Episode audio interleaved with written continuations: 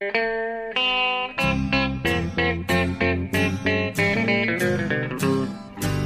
out there, we're on the air. It's hockey night tonight. Tension grows, the whistle blows, and the puck goes down the ice. The goalie jumps and the players bump, and the fans all go insane. Someone roars, Bobby scores at the good old hockey game. Oh, the good old hockey game is the best game you can name. And the best game you can name is the... Hallå, hallå, hallå, hallå! Hallå där, hallå där, hallå där, hallå där! Hallå och välkomna till NHL-podcasten. Eh, avsnitt nummer 287 tror jag vi sa att det var. Jajamän, det stämmer. Och det var eh, hallåmannen Jonathan Onskan Ekeliv ni hörde där på plats i Stockholm på redaktionen. Ja. Och så jag då, Per Burman, i New York. Ja. Och självaste Memorial Day eh, är det ju här denna måndag. Just Vi har det. haft eh, Memorial Day Weekend och det kulminerar ju då med ledig måndag som markerar att den amerikanska sommaren har börjat. Aha, det är, just det, just det, jag förstår. Slutet av maj här och det är fint väder kan jag tänka mig i New York. Memorial Day markerar eh, starten på sommaren och Labor Day i september markerar slutet på sommaren. Jaha, det är så pass. Det är de, det är de två stora högtider som liksom är markörer för det.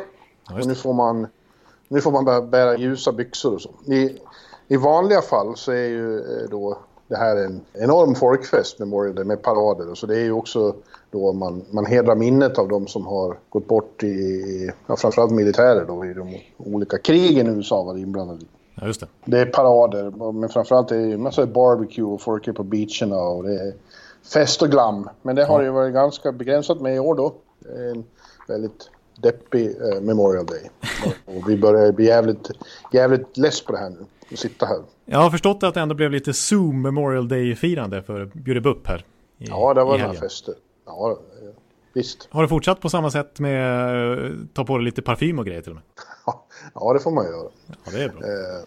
Men eh, ja, det är ju inte samma sak som att träffa människor, men det är ändå ett substitut. Ja. Ja, men eh, nu, är, nu är längtan efter mm, komma ut och gå på riktiga barer och, och få resa. Fan. Martins Barbecue i Nashville. Ja, precis. Fick Jag i baren. de har öppnat. Alltså, de har öppnat. Tennessee har ju börjat öppna lite grann, så att jag vet att det är då Honky Tonks på Broadway som öppnar med viss capacity. De får inte släppa in fulla hus, men lite grann. Jaha, Kanske dags att hyra en bil och bara köra till Nashville för att få vara där. ja, just det. Och få... Du brukar gilla sausage.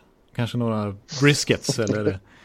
Ja, Ja, sausage, på... och, och, sausage och ribs är min grej. ja, just det. Det är din grej. Jag är lite mer pulled pork. Ja, du är ju det. Ja. Tänk när vi kom dit, då var, då var du alldeles lyrisk över hur gott det var. Den Ja, det var det faktiskt. kvällen Fem plus. Det var en riktigt rolig kväll också. Det var riktigt mycket drag där. Ja, det var det. Ja, men det är ju så, jag börjar känna, alltså jag har ju sagt att vi alla sitter i samma båt, så man får inte gnälla så mycket. Det nej, det får blir självömkan och så här. Men, men eh, nu när vi börjar närma oss tre månader av det här så det, det börjar känna, alltså det är inte bara jag, alla här är ju, står och skrapar med fötterna som hästar som vill ut liksom. Ja, ja.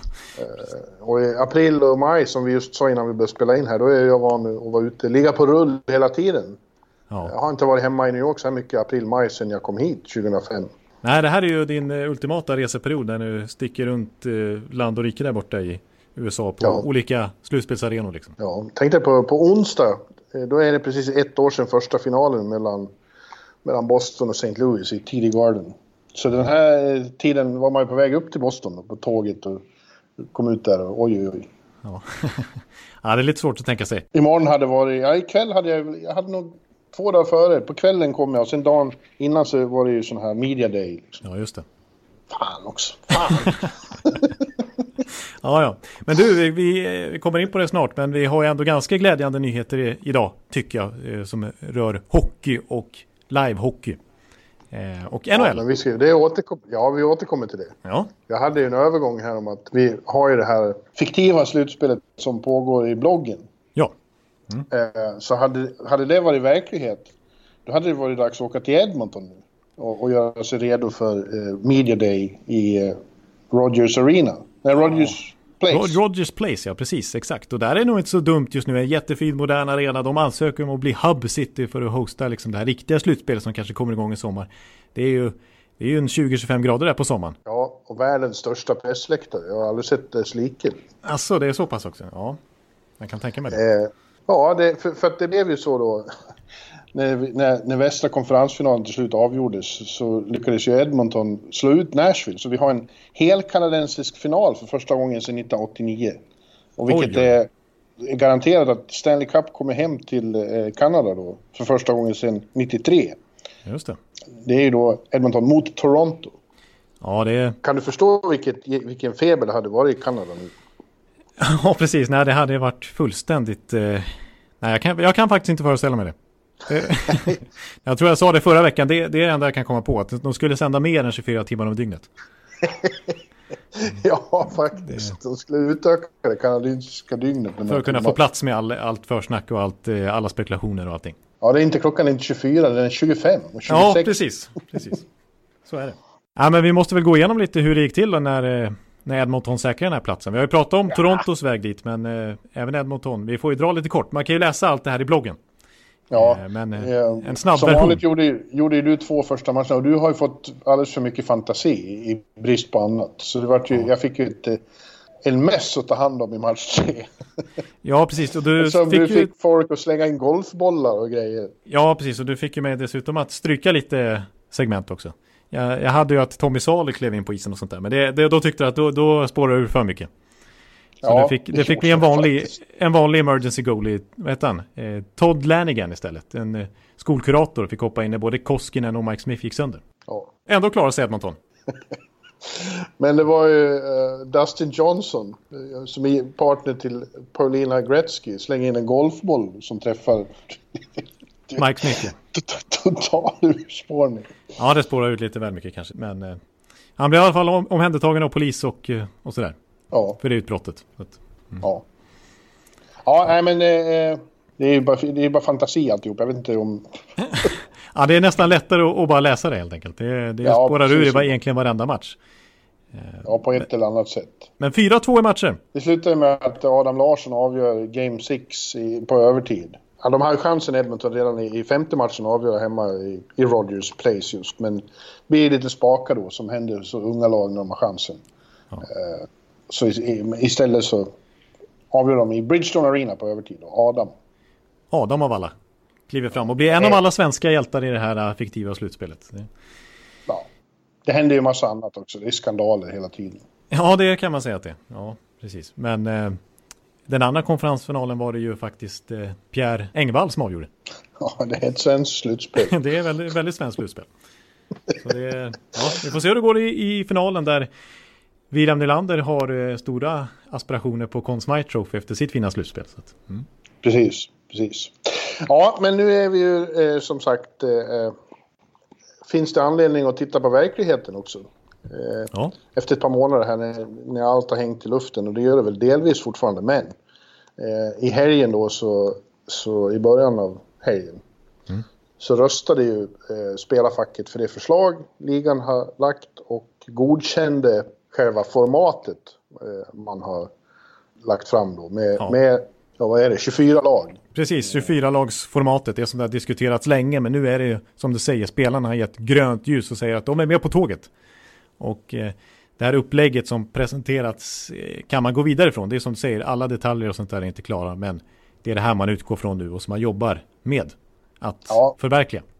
Ja, eh, vi ska komma in på exakt vad det innebär, men, men understryka först att det här innebär långt ifrån att allt är klart. Ja. Man har inte ännu kommit överens om vilka ställen man ska spela på. Man har inte kommit överens om när. Och man har inte kommit överens om formerna för hur spelarna ska eh, leva och bo och, och i, testas och, och Familjer. allt det andra. Eh, det kom just ut en artikel på Athletic där Devan Dubnik eh, försöker hälla kallt vatten på hela alltihopa så är vi långt, långt ifrån klara för att hockey kommer tillbaka. Ja. Nej, precis. Han ville, han ville tona ner förväntningarna helt och säga att det här är det, det, nu har vi bara, det är som det vi sa precis där, att de har gått med på själva formatet, men så är det så mycket detaljer som ska till för att de ska kunna klubba igenom det här fullständigt. Ja, och, och men det... det börjar ju bli, de har inte hur mycket tid på sig som helst, så de måste ju skynda på lite. Ja, men det tycker jag har märkts sista veckan bara att det har varit det är intensiva förhandlingar liksom. Det, det, det händer grejer nu. Alltså bara häromdagen också så kommer det, det här säkerhetsprotokollet. Det var inte 67 sidor långt som eh, Major League Baseballs, men det var i alla fall 23 sidor. Eh, ja, det kom ju i, i söndags, sent i söndags kväll kom ju det ut. Just det. Eh, med, eh, man är ju inne i fas två nu och framförallt innebär det att spelarna här alldeles inom kort får under speciella former samlas igen och börja träna i sina träningsanläggningar. Precis, i, i små grupper, om sex personer max tror jag. Och det här ja. säkerhetsprotokollet då som var på 23 sidor, det innefattar alltså bara fas 2. Och fas 2 är just det att man får börja samlas i träningsanläggningarna. Fas 3 är liksom en training camp inför att säsongen börjar när hela laget är samlat. Och fas 4 är att man börjar spela matcher. Liksom. Ja, och i den här fasen, de som får samlas då är ja, som högst sex personer eh, i träningshallen. Det måste, det måste vara ansiktsmasker i omklädningsrummet. Enda gången de inte ska använda masker är under själva träningen. Ja. Eh, och det ska testas och det ska kollas temperaturer och, och det ska... Ja, det är mycket... Eh, många försiktighetsåtgärder kan man Ja, precis. Så mycket rent konkreta detaljer om vad man absolut inte får göra. Typ. Alltså, du får absolut inte åka Uber till träningen eller bla bla bla. Det är massa sådana här... Man måste läsa på det där dokumentet ganska ordentligt som spelare för att ja. inte bryta mot reglerna. Ja. Eh, samtidigt har det ju kommit då eh, uppgifter om att amerikanska eh, government här, eh, eh godkänner ju att eh, proffsidrottare med kontrakt här får, får komma in i landet igen. Ja. I USA. Kanada vet vi inte än. De har ju också stängda gränser. Och det är många som ska dit också. USA och Kanada är två olika länder. Ja, det ska man komma ihåg. ja, eh, så det vet vi inte riktigt än. Och eh, det är inte så att spelarna kastar sig på plan för att åka hit och sätta sig i till exempel New York. Eh, det finns verkligen ingen anledning för Mika och Lundqvist och sådana att sitta här just nu.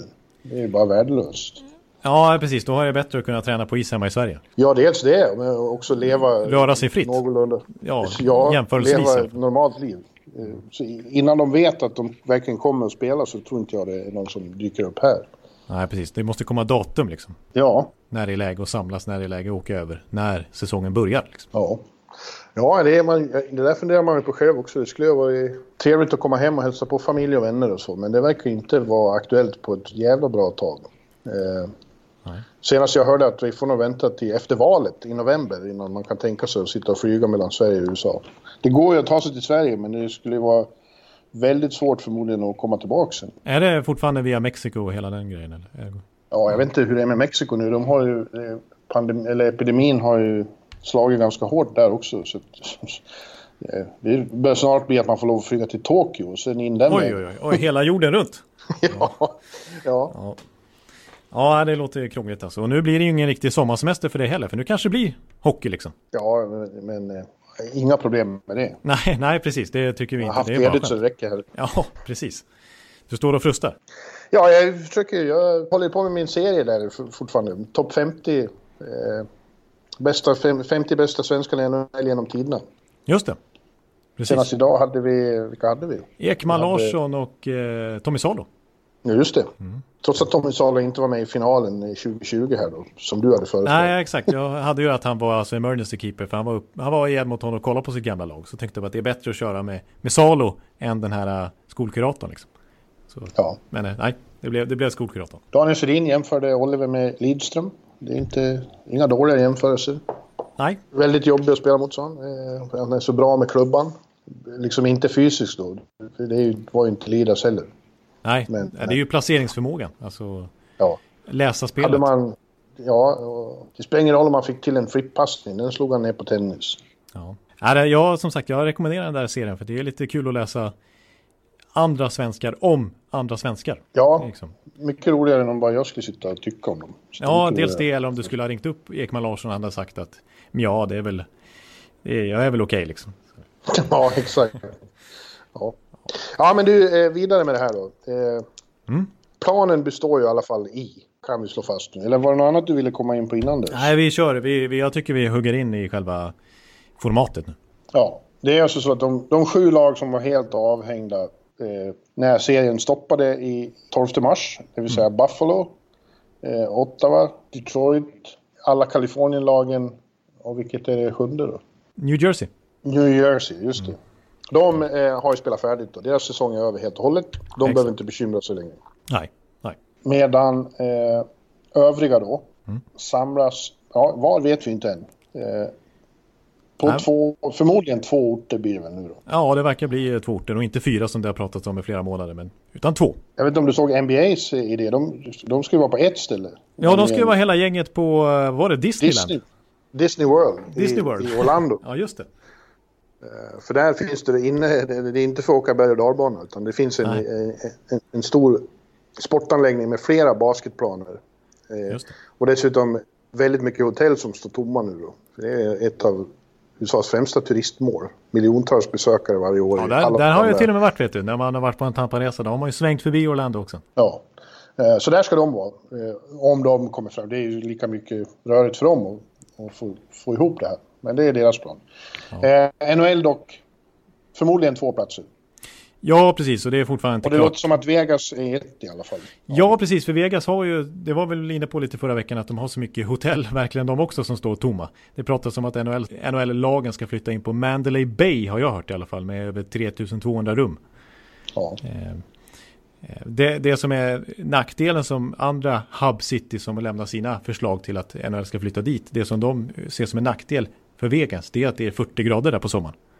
ja. Men det är det på de flesta. Det är väldigt hett på de flesta ställen i, i USA på sommaren.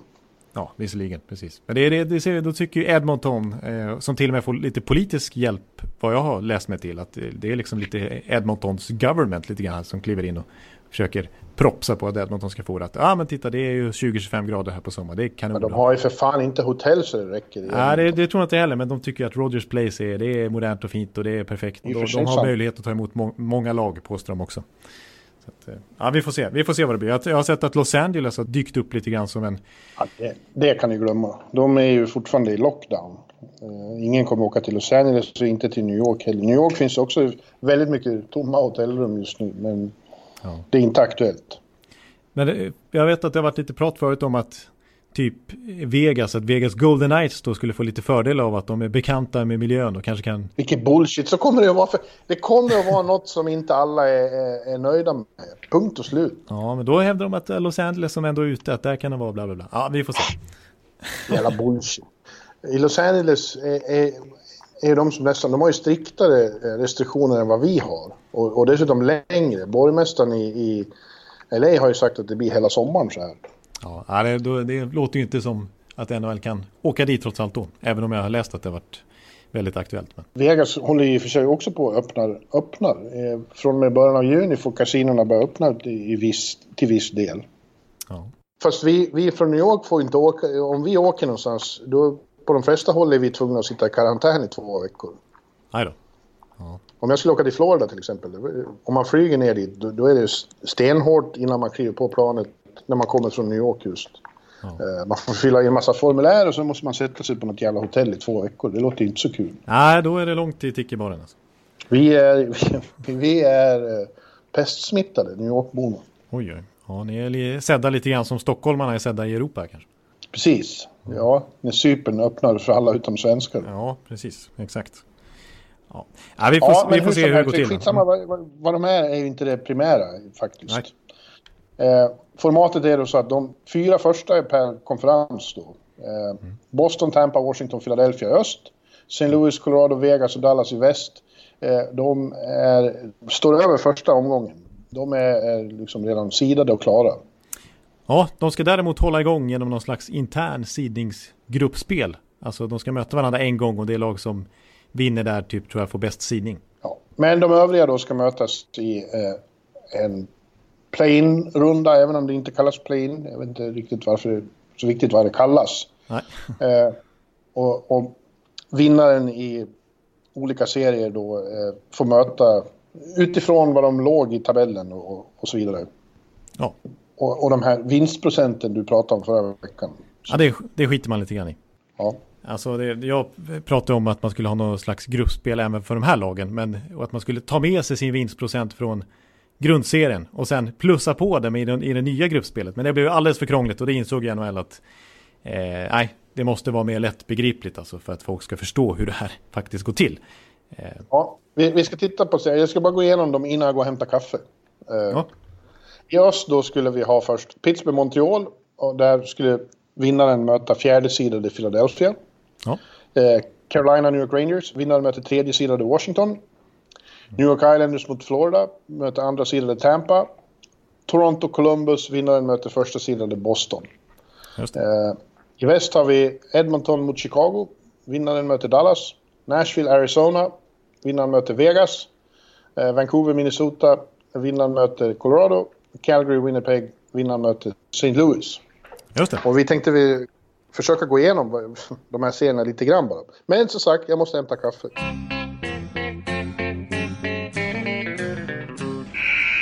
Jag brukar hålla lite monolog här i mellan eh, när du är borta, men det eh, gjorde jag faktiskt inte nu, utan jag var tvungen att fylla på lite glas själv också. Ja, ja men du.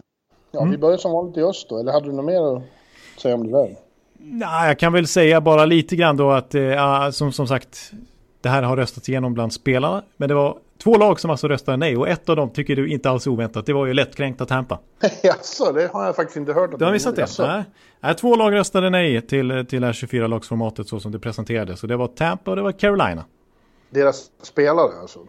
Ja, precis. Alltså, det var ju Alex Killorn som är representant i, i spelarfacket för Tampa och han har hört sig för med spelarna i laget och de kom fram till att nej, det här är inte rättvist. De tycker till exempel att det är orättvist att Montreal som är liksom 10 poäng från slutspel och avsågade att de plötsligt ja, kan möta femtesidade Pittsburgh mm. i bäst av fem och sen plötsligt gå till slutspel och sen dessutom få möta fjärde sidade Philadelphia och inte första sidade Boston eftersom att det är bracket, att det är liksom ett slutspelsträd och inte, ja, det tycker Tampa var orättvist.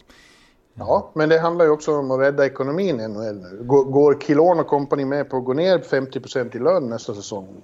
Nej. Nej. Nej, precis. Så, att, Nej. Eh, så det är rätt viktigt för dem att ha med Montreal och Rangers och, och Toronto. Ja, precis. Och Chicago, Chicago, på andra sidan, ja precis. Det är därför man har just 24 lag snarare än 20 lag förmodligen. För att man vill ha med de här stora marknaderna. Som kan generera ja, intäkter. Mm. Ja, det är ingen folkrörelse det här. Det är ju business. Det är väldigt uh, mycket business. Det är ett företag NHL. Ja, och uh, blir, det, blir det för lite intäkter här, ja då är det spelarna som kommer att få lägre löner och då blir det ett jävla gnällande om det också. Precis, man kan inte bara gå på det rent sportsliga här utan man måste titta väldigt mycket på ekonomin i det här prekära läget och då då eh, spelar det roll att, att, eh, liksom, att ha med Montreal även om det kanske är mer rättvist att titta på Columbus och Carolina precis och Islanders som alltså slåss precis runt strecket. Mm. Ja, nu är det så här. Ja. Och Pittsburgh har ju då, eh, alla är så rädda för Montreal och Pittsburgh har ju också, det har ju uttryckts eh, viss skepsis därifrån att de får gå upp mot Montreal då där alla är rädda för... Eh, Carey Price. För Carey Price, ja. Mm. Supermålvakten. Som, och det här ska ju som jag förstår, de här, det är ju bäst av tre i den här första omgången. Ja, är det bäst av tre eller bäst av fem? Jag tror inte det är klart heller. Utan det är en sån här grej de ska diskutera. Men det, jag har hört både och. Ja, jag hörde tre. Okej, okay, ja. Alltså det, det, kan inte pågå hur länge som helst där. Eller? Nej, de måste väl försöka speeda upp processen lite grann. Så det är väl inte, det är väl inte helt klart heller om det ska vara bäst av sju eller bäst av fem i riktiga slutspelet. För det blir ju till slut då ett 16-lags vanligt slutspel. Liksom. Mm. Ja, det ska ju också sägas. Vi ska inte gå in så jävla djupt på serie för serie. Men det är ju väldigt svårt just nu att veta var de står, de här lagen. Och hur de kommer att reagera i den här nya miljön. De har varit borta i tre månader. Det kommer att se ut som Slutspelet kommer se ut som försäsongshockey på många sätt. Ingen folk på läktarna och de kommer vara ur form. Ja. ja. och det, det, är helt omöjligt att veta var de står. Precis, och det är man... Vi pratar alltså kanske eventuellt bäst av tre eller bäst av fem. Det spelar inte så stor roll. Det är en väldigt kort serie ändå. Så att... Jag menar, det räcker ju som du säger. Det räcker med att Carey Price står på huvudet så är Montreal vidare. Ja. Men eh, det är klart att man tror på Pittsburgh i den här serien om vi ska titta lite på den. För att eh, men en fördel för dem och för många andra lag också, det är ju att många skadade spelare plötsligt haft tre månader på sig att rehabilitera och komma tillbaka. Så i, i Pittsburghs fall innebär det att de får ett mycket slagkraftigare lag skulle jag vilja säga än om slutspelet hade börjat i april. För nu får de ju tillbaka Jake Gensel. Eh, de mm. kanske får tillbaka Nick Bjugstad och Zach Aston Reese. De har ett otroligt bredd helt plötsligt. Och de tog in Jason Zucker som ersättare till Gensel vid trade deadline. Det är ju länge sedan nu. Men... Eh... Fy fan vad länge sedan det Jajamän, men det är ju ett... De tog in Patrick Marleau då också. De tog in även Rodriguez från, från Buffalo. Så att de får ju peta bra spelare snarare i Pittsburgh nu. Eh... Ja. Det... ja, de har ju så bra lag. De, de, kan inte, de kan inte skylla på att det är synd om dem för att de får möta Carey Price. De ska ju vinna den serien. Nej, precis. Utan de... Eh, nej, de har fantastiskt... Fantastiskt lag på pappret och känns lite som en dark horse tycker jag till att vinna hela Stanley Cup. För det, det kan, de kanske inte ska vara en dark horse, de ska vara en contender på riktigt och en av de, en av de lag det pratas om. Liksom. Men man har, skrev ju av Pittsburgh lite grann efter förra säsongen. Och tänkte ja. att deras riktiga, verkliga dynasti, storhetstid är över. Men med det här laget, eh, och med fortfarande Crosby och Malkin är väldigt fint slag, så, eh, så kan de gå hela vägen. Och få möta sin rival Philadelphia. Ja, just det. Det blir ju en häftig första runda i det riktiga slutspelet då. Fast frågan är hur det blir utan publik. Liksom. Kommer ja, man vara precis. Upp, uppjagade och liksom när inte, när inte det är 18 000 i Wells Fargo som, som skriker samtidigt. Nej, inte som i ditt parallella slutspel när det kastas in eh, allt möjligt skor. på isen. Ja, skor på isen, ja precis. Det, nej, det ska ju bli Pittsburgh som vinner den här serien, så är det bara. Carolina Rangers är intressant. Hade det varit i normala fall så Carolina har ju väldigt svårt för Rangers. Har haft jämnt. Eh, ja. Fast det bygger ju på att de alltid blir lite skakiga när de kommer till Manhattan. Ja. Eh, och det gör de ju inte nu. Men eh, det är ändå så att jag tror att de skulle få lite... Alltså om Rangers på minsta vis liknar där de var när serien slutar. Ja. Med Mika i glödande fem mål per match-form. Ja. så är ju de ett väldigt hot mot Carolina. Verkligen, och som du säger, alltså, den här säsongen så vann Rangers alla fyra matcher mot Carolina. Och inte sen Carolina vann kuppen för 14 år sedan, 2006, så har de vunnit en season series, alltså interna möten mot Rangers den säsongen. Utan det är som du säger, det är Rangers är deras boogie team. Ja, de, framförallt här på, på, på Garden. De, ja. är, de har extremt svårt. Nej, de, de, kan inte vinna. Och en eh, rolig detalj att lägga till här tycker jag, av de här fyra segrarna Rangers tog mot Carolina den här säsongen, så var det faktiskt Henke som stod i tre av dem. Ja, ja det är go. Ja, precis. Han har ju du vet, tränat på is här ett tag i, i Sverige till skillnad kanske från Sjestjorkin och ja, Georgien. Så, ja. Så, så det blir Henkes, eh, Henke kliver in i... Ja, precis. Det blir hans ultimata revansch och upprättelse. Vinner kuppen med Rangers. Ja. ja. Nej, vi får se. Men eh, det ska man lägga till för, för Carolinas del också att eh, de får förmodligen tillbaka Doggy Hamilton som vi räknar bort för ja, säsongen. De får tillbaks eh, Sami Vatanen som de tradar till sig vid deadline men som ännu inte har debuterat för dem. De får tillbaks, inte Brett Pesci för han kommer nog inte tillbaks från sin operation, men de får tillbaks, eh, ja vem är det med? Det är... Ja, och så har ju Justin Williams börjat spela och, och nu är alla lika urslag som han, så han kommer vara jämnbördig med alla andra. Ja, precis, så han blir som ett, ett riktigt nyförvärv nu. Ja. ja. Nej, så det är klart att eh, mycket talande för Carolina och så som vi såg dem i förra årets slutspel. Hur ettriga och intensiva de var och hur Rod Brindamore var högröd i ansiktet och fick dem att verkligen köpa hans idé och var riktigt jobbig att spela mot. Ja, ja fast det, ja. vi ska inte tippa än. Nej. Det får vi återkomma till. Ja, det, vi kommer ju bli rejäla previews när det väl är dags. Liksom, när, det, ja. när vi vet vad det blir. Want flexibility? Take yoga. Want flexibility with your health insurance? Check out United Healthcare Insurance Plans. Underwritten by Golden Rule Insurance Company, they offer flexible, budget friendly medical, dental, and vision coverage that may be right for you. More at uh1.com. Uh, Islanders Florida känns ju väldigt, uh, ja, jag vet inte, svår, svårbedömd på många sätt. Det är ju intressant om Florida vinner, att då blir det Tampa. Det blir äntligen Florida-derby fast inte i Florida. Nej, precis. Det blir lite konstigt när det äntligen blir ett sånt. De har ju aldrig mötts i slutspelet. Och när det väl är dags så kanske det blir i Vegas eller i något sånt där. Eller i Columbus eller vart. Toronto eller vart de nu kan hamna. Eh, men eh, ja, den här säsongen så har ju Islanders kan jag säga då vunnit alla tre matcher mot Florida och det har sett ut precis som man förväntar sig att det ska göra. Att Islanders har backat hem, det har varit jämna matcher, uddamålsmatcher allihop. Eh, en slutade 3-1 till Islanders men då gjordes det sista målet i öppen kasse med tre sekunder kvar så jag räknar det som en uddamålsseger.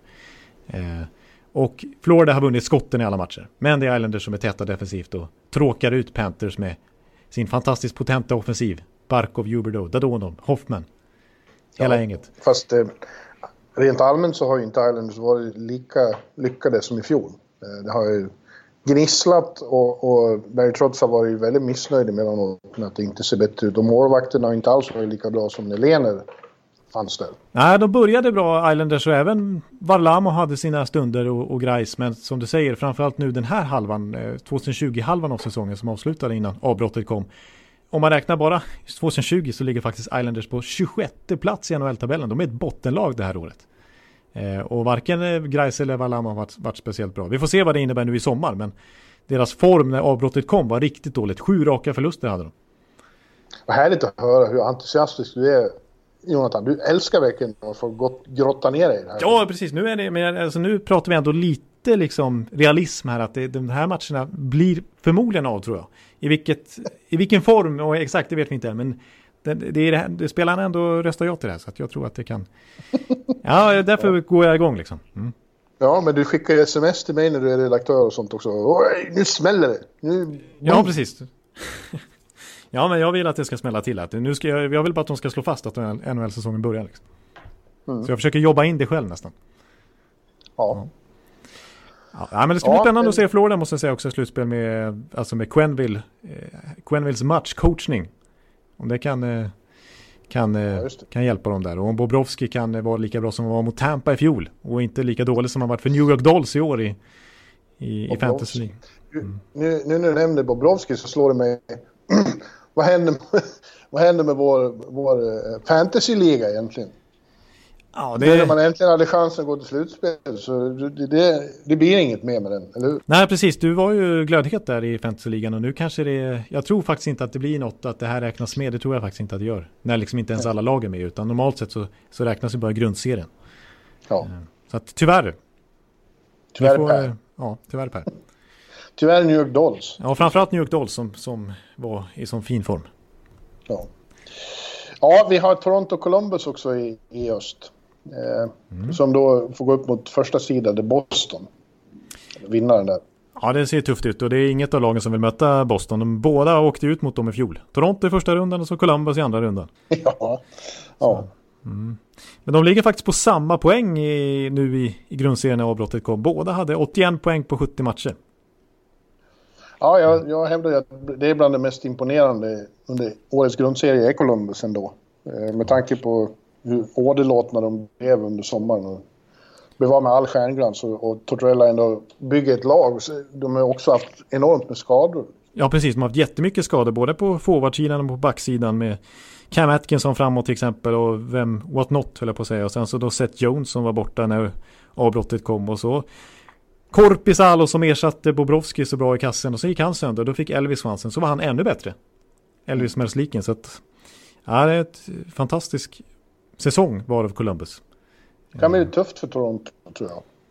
För Columbus får ju också tillbaka en massa skador. De får tillbaka väldigt mycket. De är kompletta igen och Seth Jones är tillbaka till exempel. Så att, mm. Ja, det, det känns som en tuff serie för Toronto som visserligen också får tillbaks spelare och, och för en gångs skull är ganska skadefria. Eh, till skillnad från vad de var under säsongen. Jag menar både Morgan Riley och Jake Mussin är tillbaks. Det är första backparet. Liksom. Ja. Eh, så att jag tror att de hade legat högre upp i tabellen om de inte hade haft så mycket skador den här säsongen. Då tror jag att de hade varit ganska på, på betydligt säkrare slutspelsmark än vad de var när avbrottet kom. Eh. Jag vill slänga in den här brasklapp, brasklappen då. Ja, ja. Eh, att om de ska börja spela intensiv slutspelshockey direkt utan att ha grundseriebenen som vanligt så kommer det att bli väldigt mycket skador direkt för alla här. Ja, det är nog risk för det att det, det är nog väldigt stor risk för det faktiskt. När man inte alls är inne i tempot så ska man spela på liv och död matcher liksom. Det är inte någon, ja. någon försäsongsmatch man kan glida runt utan nu är det två förluster som man är ute kanske. Ja, precis. Ja. Vad meningslöst det kommer att kännas efter att ha gått igenom en massa karantän. Ja, precis. Ut i två veckor i karantän och sen gjort tester varje dag i tre veckor och sen till slut spelar man matcher efter dryg en, liksom en och en halv månad och sen åker man ut direkt. Ja. ja. och blir skadad till och med kanske. I värsta. Precis. ja, nej, men jag ska bara säga, eh, jag tycker det är slående skillnad med de här två lagen. Det är att Toronto, alltså sättet de spelar, Toronto har gjort 38 mål fler än, än eh, Columbus, trots att de ligger på samma poäng. Men Columbus, de har släppt in 39 mål färre än Toronto. Så det är ganska uppenbart på vilket sätt de här två lagen spelar sin hockey. Ja, men kom ihåg att eh, i fantasin så är de i final redan, Toronto. Toronto, ja precis. Vem vet. Det, mm. ja, kanske är deras år, trots allt. Ja. Ja, i väst då eh, så har vi Edmonton-Chicago. Det är också en sån där serie då som man tänker att eh, Edmonton blir väldigt nervösa för. Att Chicago som var långt från slutspel får komma in och, och, och vara med. Ja, och precis. Där finns det ju spelare som vet hur man agerar i slutspel. Även om de inte är riktigt lika... Flera av dem inte är på samma nivå som de var under sin dynasti. Nej, verkligen inte. Men det finns ändå kanske finns en avslutande push kvar i sånt som Duncan Keith och eh, Corey Crawford som kanske inte ens blir kvar nästa säsong. Och Taves förstås och Patrick Kane liksom. Det är ju en av NHLs bästa spelare fortfarande. Så att det kan, det kan gå, men det är som du säger, de var ju precis som Montreal, sellers vid deadline. De skickade bort Erik Gustafsson och de skickade iväg Robin Lehner till Vegas och sådär. Ja, så de hade ja. inte räknat med det här. Nej, vi, hade, vi var inte så många som hade det. Nej, det var nog ingen som, hade, som hade riktigt hade räknat med det, det får man säga. Medan Edmonton då ju har, var en buyer vid deadline och adderade spelare som Andreas Athanasiou, mycket speed. Det var, det var ju Tyler Ennis och det var Mike Green på backsidan från Detroit. Eh, och, ja, och inte minst hade de ju ligans nya nästan version av Two-Headed Monster i eh, Dreisaitl och ja. McDavid som skulle vara spännande att se, följa ett slutspel nu också när de var splittrade i varsin kedja. Då kan man liksom inte bara matcha mot dem samtidigt utan eh, jag menar Dreisaitl var extremt effektiv i, nästan ännu mer effektiv i en egen kedja när han hade Nugent Hopkins och Yamamoto in till sig.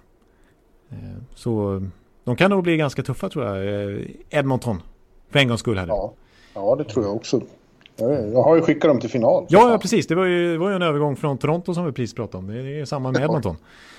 Ja. Ja, eh, sen har vi Nashville, Arizona. Så det, de får möta Vegas, de som vinner. Eh, ja. Också svårt. Eh, Nashville har ju inte kommit upp i sin fulla potential alls den här säsongen. Eh, det har varit några false starters, start, starts. Ja. Ja det, eh. det, har inte varit smärtfritt under John Hines heller, men, men faktum nej. är att från det datum han tog över, det är typiskt med att kolla upp sånt här, men den 7 januari tog han över och fram till uppbrottet där vid 12 mars så, så var han faktiskt NHLs sjunde, sjunde bästa lag poängmässigt. Ja. Eh, så de har ryckt upp sig. Han har ju stuvat om enormt där och Mm. På slutet var Arvidsson i fjärde kedjan och sånt. Ja, det kan man ju ifrågasätta. Den eh, extrema liksom rotationen och, och omkastandet för att få det att lyfta. Men ändå så, jag menar, deras underliggande siffror har varit bra hela, hela säsongen och poängmässigt under Heinz har de ändå tagit rätt mycket poäng och varit ett, ett lag för den absoluta... Härligt, härligt att höra dig säga igen. Underliggande siffror, då vet man att det är hockey. Ja, då, då vet man att jag har börjat sätta mig in i det här igen. Ja. Eh, men eh, Arizona är ett sånt där lag som jag tror kanske gynnas av att få tillbaka mycket spelare också. Inte minst en Darcy Kemper i kassen. Om han kan spika igen för, för eh, innan han blev skadad då vid jul. Fram till dess, från liksom starten av säsongen till jul. Så ledde Arizona sin division. Och, mm. och de hade tradat till sig Taylor Hall och liksom gick för det verkligen. Och kände som att det här kan faktiskt bli någonting av det här Arizona-laget. Och sen efter det så har de, de alltså, precis som jag sa om Islanders 2020. Jag undrar om inte Arizona är ännu sämre. Jag tror de är tredje sist i tabellen. De har bara Sharks och Detroit efter sig 2020. Så de har varit riktigt formsvaga en lång period innan uppbrottet kom. Men nu, som sagt, få tillbaks Darcy Kemper, liksom det självförtroendet han inger i hela systemet där. Och så borde liksom, alltså den här star powern de har hämtat in senaste året passa perfekt liksom, alltså i, i en kontringshockey i slutspelet när man täpper igen egen zon och litar på Darcy Kemper och så sticker Taylor Hall på kontringar och så sticker Phil Kessel på kontringar. Det, jag menar, det var så otroligt utstuderat att man, att man gick så hårt för Taylor Hall för jag kommer ihåg att eh, liksom, här, nu blir det underliggande siffror igen, nu är vi tillbaka där. Precis som i, som i vintras. Ja, prata på du bara. ja, men, men alltså Taylor Hall i, i Devils, i de matcherna han har spelat under säsongen där fram till att han blev tradad till Arizona, så var han den som hade haft flest frilägen i NHL den säsongen. Så han är en riktig som kontringsspelare och det tror jag passar Arizona när de ska backa hem i, i slutspelet och, och täppa igen och sen sticka iväg. Lite som Pittsburgh, ett av deras Stanley Cup-titlar där. Men Phil Kessel till exempel är väldigt effektiv, som nu också är Arizona. Så att, mm. Ja, jag tror att Arizona är en liten dark horse. Ingen kommer, ingen kommer prata om dem, men jag tror de kan faktiskt slå ut Nashville. Ja, ja det, är, det är absolut inte omöjligt. Nej. Eh, har rätt i. Synnerhet som Nashville inte får vara hemma i Bridgestone Arena. Nu har det inte gått så bra där i år då. Nej, men, men tidigare slutspel har ju det varit eh, jättefördel. Ja. Vancouver, Minnesota är också vinnaren får möta Colorado. Det är ju intressant eh, för oss. Vi får se Elias Pettersson i något som liknar slutspel för första gången i, i NHL. Ja, precis. Det ska bli intressant att se det här Vancouver-laget i i någon slags slutspel, hur det nu kommer se ut som sagt och hur det ter sig och sådär. Men det blir ju ett första riktigt prov för många av dem, för Brock Besser och för Quinn Hughes liksom. Och den nya kärnan som bär det här Vancouver-laget. Ja. Eh, och de får ju tillbaka Jakob Markström. Jag menar, det var, märktes så tydligt när han var borta hur viktig han är och varför många beatreportrar uppe i Vancouver sa att Markström är minsann MVP den här säsongen och inte Elias Pettersson. Nej, Nej han var ju fantastisk. Ja. Vessina, Vessina eh, klass, alltså som nominerad Ja, precis. Vessina nomineringsklass höll han ju och många hoppar ju på Markström-tåget och tycker att han måste verkligen lyfta, lyftas fram nu som en av NHLs toppmålvakter. Liksom. Ja, medan Minnesota inte har känts så särskilt bra faktiskt. Det har ju varit kaosartad säsong för Minnesota. Ja, precis. De sparkade general managers och annat. Ja, exakt. Alltså om man tittar på, på siffrorna här också, jag ska inte gå in så noga, men då tycker man ju att Vancouver är ett mycket bättre lag. Det som är Minnesotas grej som gör att de liksom hänger i ändå och liksom inte faller pladask i tabellen utan ja, är jämsides med Vancouver i princip. Det är ju, skulle jag vilja säga, deras två första backpar som är verkligen elit. Det är Jared Spurgeon och Ryan Suter och så är det Jonas Brodin och Matt Dumba. De är otroligt svårforcerade och, svårforcerade att göra mål mot när de är inne på isen. Alltså, mm. Där kan man verkligen prata underliggande, underliggande siffror. Jag vet att den statistiktjänsten The Point häromdagen, vilket jag intresserar mig för, lyfter fram Jonas Brodin som en av NHLs mest underskattade spelare. Ja, det... Hade flera siffror på det till exempel att han är den i NHL som har flest brutna liksom, inspelsförsök i, i egen zon. Alltså när motståndarlaget ska ta sig in i egen zon och han stoppar det. Jag trodde du skulle säga att han är den som har flest brutna ben. Nej, det, det, det, det hade varit häftigt. Och, nej, inte, inte, den statistiken har jag inte. Men, men han har brutit väldigt mycket inspelsförsök i egen zon i alla fall. Han sätter stopp för dem när de ska in i, i Minnesota-zonen. Och så är han fantastiskt bra överhuvudtaget på att bryta passningar i egen zon. Han har näst flest brutna passningar i, i egen zon. Så att han är otroligt skicklig med klubban. Och som vi sa om Lidström och, och Oliver Ekman Larsson där, läser spelet fantastiskt bra och extremt eh, positionssäker. Så att, mm. det, det, är ju hela gänget där med Spurgeon och, och Suter och, och Damba. Det är, det är ett väldigt bra backsida. Det är, det, det, det är de som är Minnesota Wild. Han, det, det, det, det, det, det, det, det, det, det, precis. I övrigt är det ganska kaotiskt och inte speciellt bra. Vem som än vinner den serien får gå upp mot ett Colorado som också får tillbaks väldigt många skadade och kommer att vara väldigt svåra att stoppa, tror jag. Eh, de ja. har ju blivit en favorit i väst. Ja, hipsterlagen, jag ska inte använda det laget igen. Poplaget då kan man säga. Det är, ja. ja. liksom, objektivt sett så är det nästan de man helst vill titta på. Liksom. Ja, faktiskt. Eh, det finns så mycket attraktioner, både i, från backsidan och, och inte minst framåt. Mm. Så, ja. Ja, det blir, nej, det tar nog stopp där för om det nu blir Vancouver eller Minnesota så borde Colorado lösa det. Men vi får se, när de bör, om, om de börjar spela så kommer vi att få liksom ställa om hur vi ser på det här och vad, vad, hur det fungerar i, utan publik och den här tiden på året och så. Det kommer att bli intressant i så fall att få se hur man måste liksom reanalysera allting. Ja, precis. Man kanske inte kan utgå från samma modeller som man analyserar normalt sett. Utan Nej. det kommer vara andra faktorer som spelar in. Som kanske är lite svåra ja. att förutse faktiskt. Så har vi Calgary Winnipeg då. Eh, som får möta regerande mästarna St. Louis. Vinnaren där. Eh, Winnipeg, jag såg Patrik Laine sa häromdagen vad, vad han trodde. Hur kommer det, vad kommer spelarna att vara i för form de kommer tillbaka? Jag kommer att vara helt värdelös. Jag kommer att se ut som en juniorspelare. Är det sant? Han var så... Ja. ja, han är ju...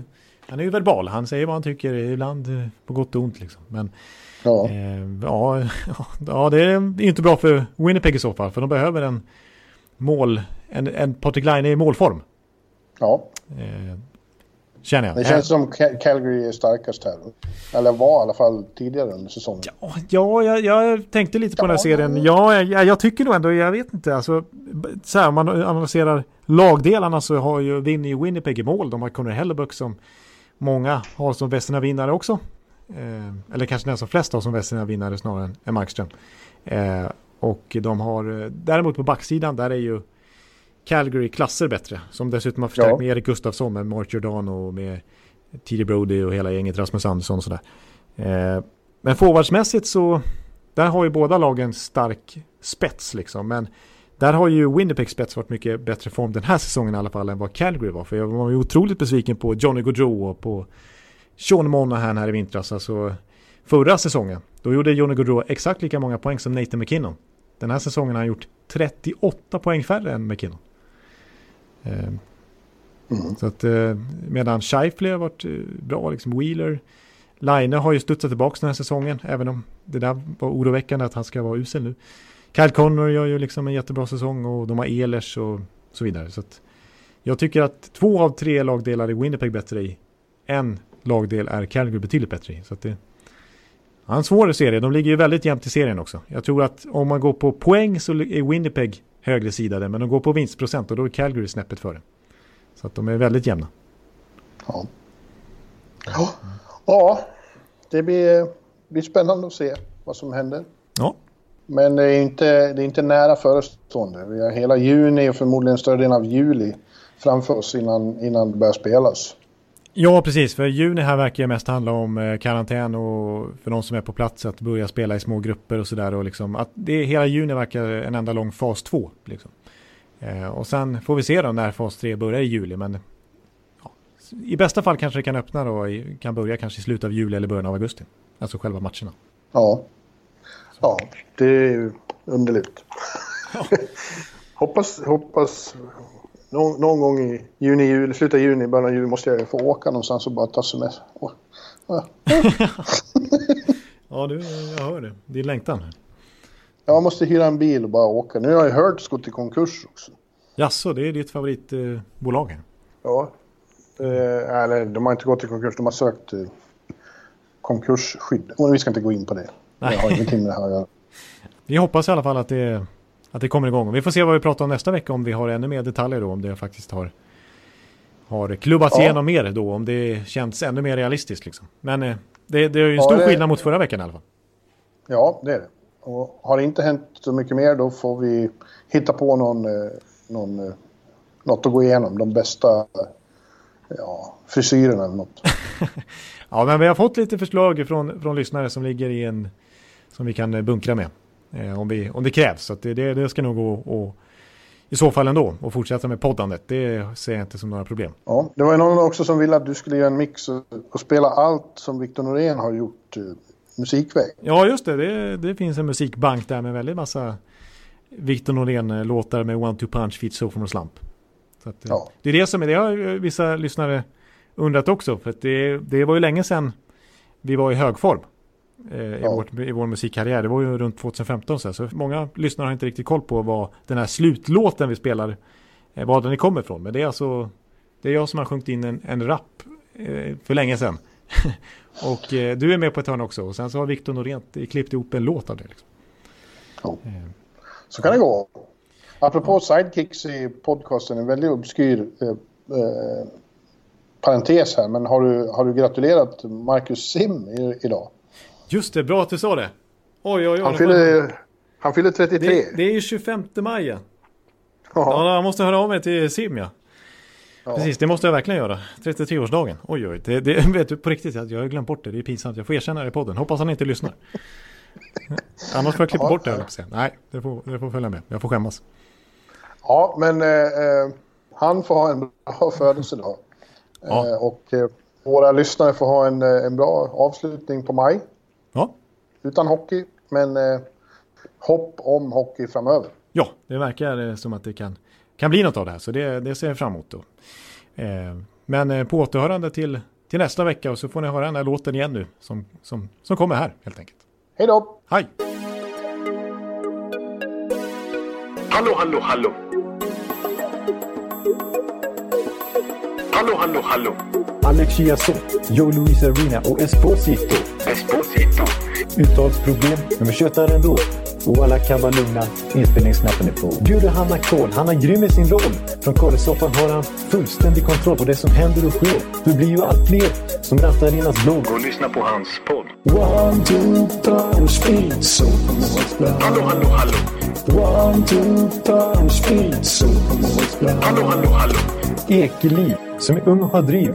Verkar stor och stark och känns allmänt massiv. Han hejar på Tampa och älskar Hedman. Sjunger som Sinatra. Ja, och det ser man. Nu är det dags för refräng. Dags för magi, Victor Norén. Du är ett geni. Så stand up at home and remove your hats. Höj volym. För nu är det plats. One, two, time, speed, målplan. Hallå, hallå, hallå. One, two, time, speed, målplan. Hallå, hallå, hallå. One, two, time, speed, målplan. Hallå, hallå, hallå.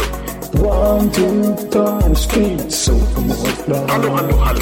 Det är otroligt länge sedan båda samtidigt var så här bra. Hallå, hallå, hallå. Det är otroligt länge sedan båda samtidigt var så här bra.